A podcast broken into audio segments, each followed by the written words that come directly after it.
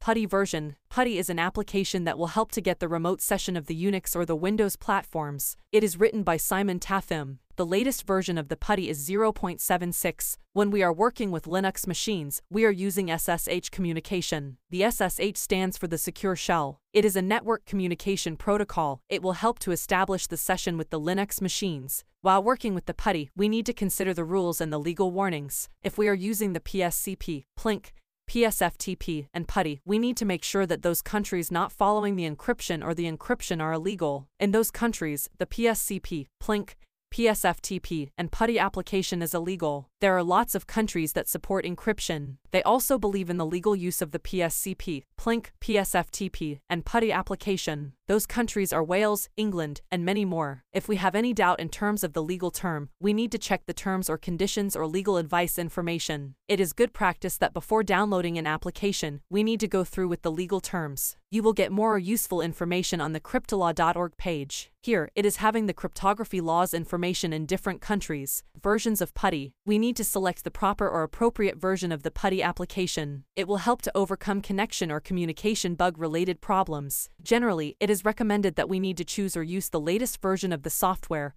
or application, because the latest version will remove the older bug and will be compatible with the latest technologies, but in some cases, we need to use the specific version of the PuTTY, because the application or the job needs some special configuration or dependent that should suffice in the older or the specific version. Before directly going on the PuTTY version, first, we need to understand how the PuTTY application will be able to connect with the Linux machine. It will help to understand more about the version, and if any issues may occur, we can fix such types of issues. If we need to connect to the Linux machine, we will use SSH communication. It is nothing but a secure communication network protocol. It is running on port no 22. The default port for the SSH is 22 only. In terms of security, if we need to change the SSH port, we can also change the SSH port. In any version, we need to add the Linux machine hostname or the IP address along with SSH port no. Once the connection is established, we need to add the username and password. In the second method, we need to use the PPK file to access the Linux machine. It is one more secure way to access the Linux machine. In some cases, the PPK file is not present, we need to select the PEM file. Here, we need to use the PuTTYGEN application to convert the PEM file to the PPK file. 1. PuTTY version 0.76. As per the current information,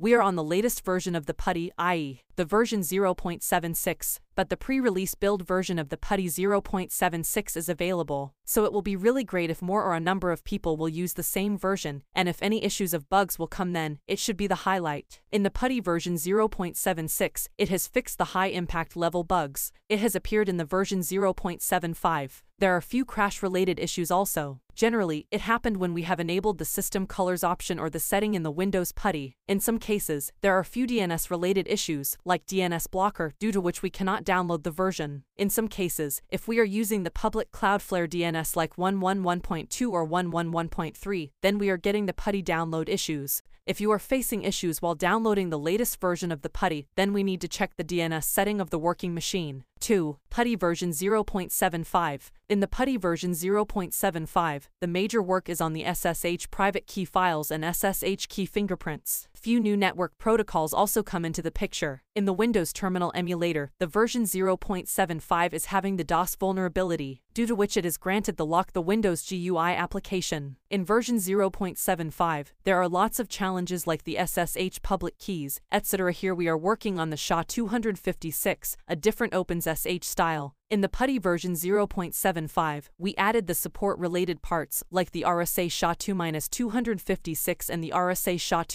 SHA-2-512 signature parts. Some servers or the communication medium will require using the RSA keys. For the private key files, we have announced the new format of the PPK file. We have removed the crypto dependency. 3. PuTTY version 0.74. In the PuTTY version 0.74, it has come up with the bug fixes and the security release. It is fixes bugs in version 0.73. It has included one possible vulnerability. It has also been added to the new configuration parameters also. It has overcome the information leak issue in the SSH and over from this issue the issues related to the host key policy. 4. PuTTY version 0.73. In version 0.73, as per the hierarchy, it has fixed the bugs in version 0.72, but in this version, the multiple security issues were fixed. Conclusion Putty version. We have seen the uncut concept of Putty version with the proper explanation. We have recommended using the latest version of the Putty because it has come with lots of bug fixes. As per application or job types, we need to choose the version.